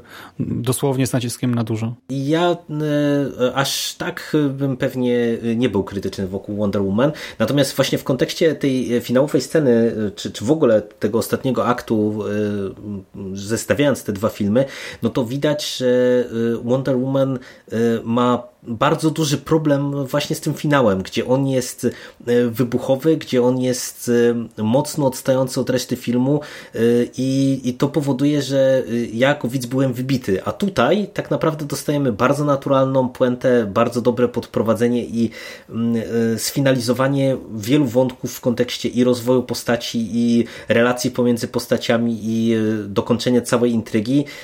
No pod tym kątem naprawdę y, z mojej strony duże brawa dla scenarzystów. Ja ci powiem, że dla mnie ta scena ala Indiana Jones to nawet jako smaczek, e, zwłaszcza w tym konkretnym momencie, jako taki punkt kulminacyjny filmu, e, no to ona już super gra jest. E, no bo wiesz, ta scena, gdy jest przetwarzana za często, to może jakoś tam irytować, ale tutaj no to pasuje zwyczajnie. Tak świetnie właśnie też bawi się z naszymi oczekiwaniami, z napięciem w tej sekwencji. No to jest no, idealny moment na coś takiego, a do tego właśnie do tego nawet jako wyrwane z kontekstu to dla mnie cały czas działa bardzo dobrze i nie rozumiem oburzenia, a w samym filmie to przecież to jest tak podbudowane, tak? To jest niejako zwieńczenie wielu rozmów tych dwóch postaci wcześniejszych. Mhm, tak, tak, Więc jeżeli ktoś, e, kto krytykuje, no to chyba przespał kilka wcześniejszych scen i ja naprawdę no nie rozumiem te, tego hejtu. Ja się wyłączyłem trochę, czy przestałem czytać te wszystkie dyskusje w sieci e, na pewnym etapie, bo to nawet u nas na fanpage'u wypłynęło, tak, że a, było aktorka powiedziała to czy tamto i ja potem sprawdziłem kilka artykułów w sieci i znaczy to akurat nie dotyczy tylko Captain Marvel, a to jest dość takie powszechne zjawisko, że tytuły artykułów były bardzo kontrowersyjne, a dyskusja w komentarzach dotyczyła tytułu, maksymalnie lidu, nikt nie czytał całego artykułu, w sensie nikt nie znał cytatu całego, nikt nie widział całego wywiadu, tylko wiesz, w tytule były trzy wyrwane z kontekstu słowa, czy tam, e, nie wiem, że aktorka atakuje kogoś tam i to się tak ciągnęło i po prostu dyskusja dotyczyła tylko tytułów i lidów. No i krew nie zalała właśnie po kilku takich artykułach, stwierdziłem, że odpuszczam. A poza tym e, też tak naprawdę nawet gdyby naprawdę tutaj padły jakieś bardziej kontrowersyjne słowa, to ja bym to rozumiał, e, no bo jednak umówmy się, że tutaj Brie no miała ciężką robotę, bo trochę na jej barkach to wszystko stało, nie ta promocja tego filmu y, i to, żeby pokazać, że można trochę inaczej. Także można właśnie przez kobiecą bohaterkę pokazać świetną, uniwersalną historię y, i historię superbohaterską, taką z krwi i kości. No i moim zdaniem się udało. No to właśnie jeszcze zanim przejdziemy do podsumowania yy, i, i może na koniec jeszcze ja bym dwa zdania chciał skomentować. A jeszcze sekunda, właśnie... Jerry, mhm. bo skoro mówimy sobie właśnie też o e, postaciach kobiecych i o tym, jak to odbiorą e, potem na przykład twoje dzieci, dziewczynki, e, młode kolejne pokolenia widzów, no przecież jeszcze też inne postacie kobiece, których wcale tutaj nie ma jakoś bardzo dużo, ale mamy właśnie e, Monikę i Marię. Przecież też wypadają super, nie? Tak ogólnie, jako właśnie postacie z krwi i kości. I ja się dowiedziałem już wprawdzie post factum, że Monika e, być może też kiedyś dołączy do grona naszych tak, tak, bohaterów. Też, też się dowiedziałem post factum o tym. Mhm. I to też mi się wydaje super, nie? Pokazanie, że tutaj ta dziewczynka, ta młodziutka osóbka e, może kiedyś być częścią tego superbohaterskiego uniwersum. E, wow, no w sumie nawet bym sobie tego życzył. Naprawdę chętnie bym ją, znaczy ją, no w sensie nie tę aktorkę pewnie, bo musiałaby trochę dorosnąć, ale wiesz, tę postać jakoś rozwiniętą dalej w MCU zobaczył. Serio, bardzo chętnie. No ale to tak mówię, zanim przejdziemy jeszcze do podsumowania, to o jedną rzecz jeszcze bym Cię chciał zapytać w kontekście finału, bo prywatnie rozmawialiśmy e, też między innymi z Mando, e, który ni niestety nie był w stanie dobić na to nagranie i właśnie e, to, co wspominałeś na początku, że on może by był nieco chłodniejszy w ocenach na przykład od Ciebie, to się wiązało między innymi z kwestią tego trzeciego aktu i pewnego braku napięcia, który tam Mando sygnalizował, który on odczuwał. I teraz, czy Ty jakby nie, nie miałeś problemu z e, tym, że właśnie trochę e, przez to, że my wiemy, że e, całe to grono postaci jest plus minus bezpieczne. Czy nie miałeś problemu właśnie z tym, że ten finał był trochę może mało emocjonujący? No właśnie, Jak ci się to podobało w ogóle? Nie, nie, nie. Bo Mando zauważył, że no przecież wiemy, że Captain Marvel przeżyje, wiemy, że Nick Fury przeżyje, że, Coulson przeżyje, ogólnie, że większość postaci przeżyje. E, no i że też czym tutaj się przejmować, skoro e, wiemy, że w Infinity War e, wyparowało pół wszechświata, nie? No ale ja właśnie, po pierwsze, w ogóle nie myślałem przez pryzmat Infinity War, a nawet jeśli to, to są mimo wszystko, wiesz, no osobne wydarzenia. To, że wiem, że w Infinity War wyparuje pół świata, to nie znaczy nagle, że się nie będę w ogóle niczym w tych innych filmach wcześniejszych e, przy okazji rewatchu. A tutaj e, ja sobie zdawałem sprawę, tak, no, że Captain Marvel musi przeżyć, niech Fury przeżyją, e, ale właśnie inne postacie, które towarzyszyły na przykład Nickowi Fury'emu w tej końcowej sekwencji, no już co do ich losu nie byłem pewny. Sami, nie wiem, nasi kosmiczni tutaj przyjaciele czy wrogowie, tutaj też była grupa osób jakoś tam zagrożonych. Zresztą sama Carol Danvers, wiesz, ja wiedziałem, że ona przeżyje, ale nie wiedziałem, czy nie dozna jakiejś obrażeń, tak, tych czy innych, czy też nie wiem, może coś jeszcze się wydarzy, może jeszcze jakiś fakt z przeszłości zostanie odsłonięty do samego końca ja czułem napięcie, ja się przejmowałem tym wszystkim i przede wszystkim tutaj mamy taki wątek uchodźców, może tak to ujmę teraz. No i ja tym też się przejmowałem, jak to się zakończy, właśnie czy się uda tutaj to, co tam sobie zaplanowali, czy nie. No i dlatego dla mnie to było emocjonujące do samego końca. I to tak normalnie, tak mocno emocjonujące, nie na zasadzie jakiegoś, wiecie, zastępstwa, egzacu, wątku pobocznego. A wiesz to, ja jestem tak trochę pół na pół, dlatego że Trochę celowo jakby jeszcze chciałem do tego nawiązać, bo z jednej strony ja podzielam twoje emocje w kontekście właśnie na przykład wątku tych kosmicznych uchodźców, czy jakby chociażby rozwiązania pewnych sytuacji na linii Captain Marvel, no, protagoniści czy antagoniści, których spotykaliśmy na różnych etapach tego, tego filmu. Natomiast z drugiej strony w końcówce nagle, kiedy próbuje nam się sprzedać, wiesz, takie zagrożenie na większą skalę trochę, mhm. to to mi nie grało akurat. To, ale wiesz, ale to jest w ogóle kwestia to, co te, tego, co już wcześniej poruszyłem, czyli dla mnie dyskusyjnego wprowadzenia postaci Ronana do tego filmu i wydaje mi się, że to było niepotrzebne i to średnio zagrało. E, to e, akurat tak jak narzekałem trochę na stronę wizualną, to według mnie to było zrobione bardzo dobrze wizualnie e, i w kinie to się bardzo dobrze prezentowało i to była świetna scena w kontekście takiej wiesz, sceny akcji. Natomiast no, fabularnie wydaje mi się, że to, to było dla mnie dyskusyjne. No, niepotrzebne to, to nie powiem, bo to, to miało określoną funkcję też w kontekście całej tej historii, tej, tej fabuły. I też zaprezentowania nam potencjału y, Karol. Natomiast y, y, wydaje mi się, że przez to, że ten film miał dużo mniejszą skalę, wiesz, przez te prawie dwie godziny wcześniejsze, e, no, no to ja bym jednak wolał pozostać na, właśnie w tej mniejszej skali troszeczkę i e, tam faktycznie rozegrać te 100% e, emocjonalności finału, niż mhm. potęgować nagle na z tego nizowego napięcie w dosyć sztuczny sposób, co... Ale wiesz no, co, tu?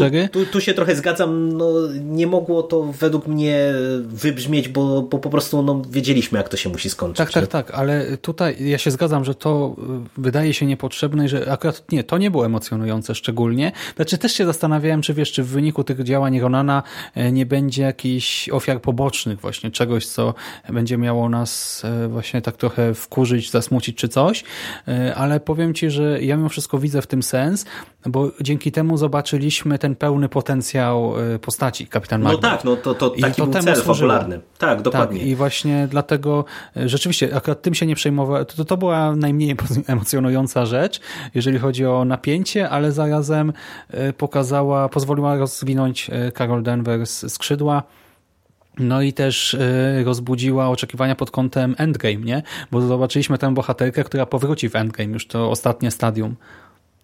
Mhm. No, dokładnie tak. No to jeszcze na, na sam koniec już chcesz adoptować rudego kota, czy, czy jeszcze nie? Mother Flerken. Znaczy wiesz co, ja nigdy nie byłem fanem kotów. E, ja jak coś, to raczej jednak wybierałem inne zwierzęta. Nawet nie tyle, że psy, e, ale wiesz, ja miałem jakieś tam żółwie, papuszki, świnki morskie, coś takiego. E, koty, wiesz, u znajomych czy tam u rodziny w porządku, ale tak na stałe niekoniecznie, a zwłaszcza rodę, wiesz, no, nie chciałbym skończyć jak z bohaterów. Tak, tak. No. Tu już no to prędzej co? właśnie się z banerem zaprzyjaźnienie z Halkiem naszym niż no to co, to pewnie nie wyczerpaliśmy tematu, bo tutaj wątków, które by można było rozwijać jest jeszcze pewnie dużo. Jest kwestia e, chociażby Tesseractu, który e, też w tym filmie się pojawia e, i, i w ogóle tutaj kwestie właśnie chronologii uniwersum, czy pewnych nawiązań by można było jeszcze e, dyskutować. E, no ale to plus... już spoilerowo, nie? Ale tak, właśnie wszystko tak, się zgadza, nie? Czytaliśmy też artykuł na temat tego Tesseractu tak, tak, potem. Się. No, no, to jest właśnie jest wszystko okay fajnie zespojone i właśnie y, są różne y, dziury, y, czy właśnie nie, może nie dziury, chodzi mi o to, że są różne nitki, które można jakoś pociągnąć dalej i e, rozwinąć różne historie, właśnie te pośrednie, czy tak jak powiedziałem, ten związek e, ze Strażnikami Galaktyki. Zresztą tutaj na przykład mamy scenę, gdzie ktoś obserwuje spadające gwiazdy i już widziałem, że fani wyliczyli, e, iż istnieje prawdopodobieństwo, że to, co wzięliśmy za spadającą gwiazdę, to tak naprawdę był statek Yondu w momencie, w którym porywał Petera. Więc w ogóle wiesz, jeżeli takie rzeczy naprawdę da się potwierdzić jakoś wyliczeniami, no to jeszcze większe brawa i szacunek za to, że ten film, który właśnie mógł być po prostu jakimś tam wiesz, no, odciętym kuponem, okazuje się jednak pod wieloma względami pełnoprawną, świetnie wpisaną w całe MCU produkcją. No, dla mnie to jest naprawdę teraz topka tych różnych originów. Wiesz, nie chcę mówić, że nie wiem, top 1, top 2, top 3, ale absolutnie z tej górnej półki i no i tyle. No. Słyszycie tak, no przecież ja się śmieję, tutaj cieszę jak dziecko. A y, Jerry wam może potwierdzi, że ja przed nagraniem powiedziałem, Boże, nie chce mi się, już y, entuzjazm mi opadł, nie? I tak ci mówiłem, bo byłem tak, już padnięty, tak, tak. nieprzytomny, jest 23, a ja po prostu jestem podjarany, tak jak właśnie, wiesz, tak zaraz moje ciało zacznie świecić, zacznę miotać energią soniczną tutaj. No, po, potwierdzam, magia podcastingu.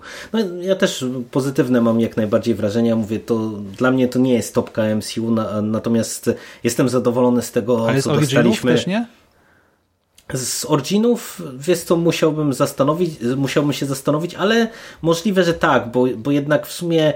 Bo ja o tym myślałem te, właśnie. Te, te, te pierwsze filmy jest to, ja w ogóle jestem trochę dziwnym widzem, jeżeli chodzi o MCU, bo ja sporą część Originów tych pierwszych e, to widziałem dosyć późno, dlatego że moim pierwszym filmem z MCU to tak e, mogę wyznać, e, byli Avengersi. W tym sensie, że ja w ogóle nie śledziłem MCU do czasu Avengersów, tylko po prostu wybrałem się do kina tam z siostrą, z, ze szwagrem i tam ze znajomymi. Oni szli na, właśnie na Avengersów. Ja stwierdziłem, a no to zobaczę komiksowe, to, to cóż to jest. I wiesz, i dopiero później nadrabiałem te, te wcześniejsze filmy, więc ja mam to też trochę mm, zaburzone, jeżeli chodzi o percepcję. No ogólnie myślę, że to może być jeden z lepszych originów, bo ja nie jestem jakimś specjalnie wielkim fanem Ant-Mana y, ani Tora.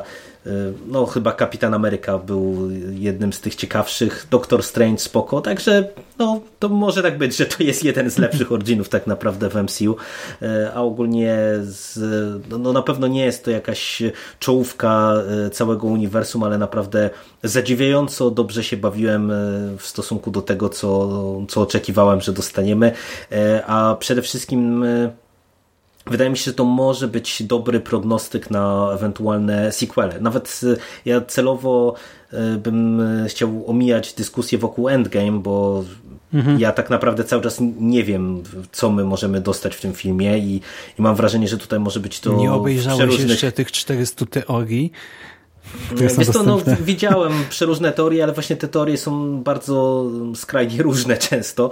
E, ja osobiście nie wiem do końca, jak to może wyglądać, ale przede wszystkim właśnie w kontekście tego, co ty wspomniałeś, że tutaj no, mamy opcję rozwijania kosmosu i to i w przeszłości, i w przyszłości. No i ja bym chciał, żeby te worki pieniędzy, które ten film zarobił, mimo y, gruźb bojkotu ze strony niektórych y, grup. Y, A to też jest piękne, nie? Że tak, no. hmm. To no była petycja też chyba jakaś podpisywana, nie, żeby właśnie e, zbojkotować, tak, tam też no jakieś to, absurdalne wiesz, to, to, ilości osób. To nie tu... pierwszy raz, no przy Gwiezdnych Wojnach też e, z takimi rzeczami mieliśmy do czynienia. E, myślę, że właśnie wytwórnia Disneya to niedługo zacznie opłacać takie petycje, bo to się zawsze przekłada na piękne zarobki. I jest nie inaczej w przypadku Kapitan Marvel, no i ja liczę, że już właśnie studio mając podbudowę w postaci tych worków z pieniędzmi to naprawdę sypnie groszem i kolejny jakiś tam sequel, który y, dostaniemy, bo, bo myślę, że dostaniemy, to, to już naprawdę pozwoli y, Karol pochulać w kosmosie, może spotkać właśnie któreś jeszcze z, z postaci, które gdzieś tam się już w uniwersum pojawiły. Ja bardzo bym sobie tego życzył, bo mówię, naprawdę widzę tutaj dużo potencjału, a wiesz, a to też jest trochę tak, że to endgame mm, to jest tak naprawdę trochę gruba kreska. E, to nawet nie wchodząc w dyskusję, czy zginą wszyscy główni bohaterowie, czy nie, komu się kontrakt kończy, komu nie i tak dalej, to wiesz, no umówmy się, że te dwadzieścia parę filmów prowadzą do endgame i e, w tej chwili nieważne tak naprawdę, co my w tym filmie dostaniemy, no to e, MCU po Avengersach tych nadchodzących nie będzie takie samo i będzie trzeba szukać innego, innej formuły formuły tak naprawdę nawet w całości, no bo wydaje mi się, że mm, wiesz, to coś takiego, z czym mieliśmy teraz do czynienia, że wiesz, że spajanie wątków na przestrzeni 20 filmów bez mała, no to to nie będzie miało do, do czynienia, czy nie będziemy mieli z tym do czynienia w przyszłości. Ja, I też, nie wiem, nie wiem. Czy, wiesz co, czy inaczej, może będziemy mieli do czynienia, ale to już myślę, że to będzie musiało być coś innego niż dostaliśmy mimo wszystko teraz. Y, no i ja bym chciał, żeby na przykład właśnie ten kosmos marvelowski to było jedno e, z tych y, miejsc, które będą e, w tych kolejnych filmach rozwijane i będziemy mieli e, ciekawe filmy, ciekawe wizualnie z fajnymi postaciami, i na to liczę, bo, bo tutaj widać kupę potencjału y, i w kontekście właśnie wykreowania fajnej postaci i w kontekście y, samej głównej aktorki. No cóż, dużo dobra mam nadzieję przed nami. Mhm, oby tak było i tą właśnie myślą, tym pobocznym życzeniem zakończymy tę rozmowę. To co Jerry, y, idź karmić kotka. Dzięki za rozmowę. Dzięki. Tylko trzymaj go ode mnie z daleka, bo wiesz, mam uczulenie. No, ja mam, ja mam uczulenie, nie, nie, nie. A ty nie, też masz? Nie, ja mam, oddamy ja go mando, takie, oddamy go mando. Ja mam takie uczulenie na koty, że broń Boże, kot, koty z daleka ode mnie. Oddamy go mando, będzie dobrze. A e, teraz właśnie dziękujemy także i wam, słuchacze, za uwagę. Jeżeli nie byliście jeszcze w kinie, to pędźcie już tu i teraz. Natychmiast nadrabiajcie, bo warto, i to też jest film, bo my tak niby mówimy, nie, że on wizualnie nie jest aż tak epicki jak te poprzednie, ale nadal warto go zobaczyć w kinie, bo jest kilka warto, scen, tak. które ślicznie wyglądają na wielkim ekranie, a już na telewizorze w domu pewnie sporo stracą, więc szczerze polecamy seans. No i cóż, no, do usłyszenia niedługo i miejmy nadzieję też do usłyszenia w tym czy w innym, może większym gronie, jakby się udało po Endgame, nie, no bo tak jak ostatnio przy Infinity War się umawialiśmy przez, nie wiem, miesiąc chyba i nic z tego nie wyszło. Y, teraz w końcu po ilu, po tygodniu umawiania się udało się, no to po Endgame też się postaramy coś y, dla Was, kochani, y, tutaj ciekawego powiedzieć, no ale to już za jakiś czas, a teraz jeszcze raz dzięki i do następnego razu. Cześć. Cześć.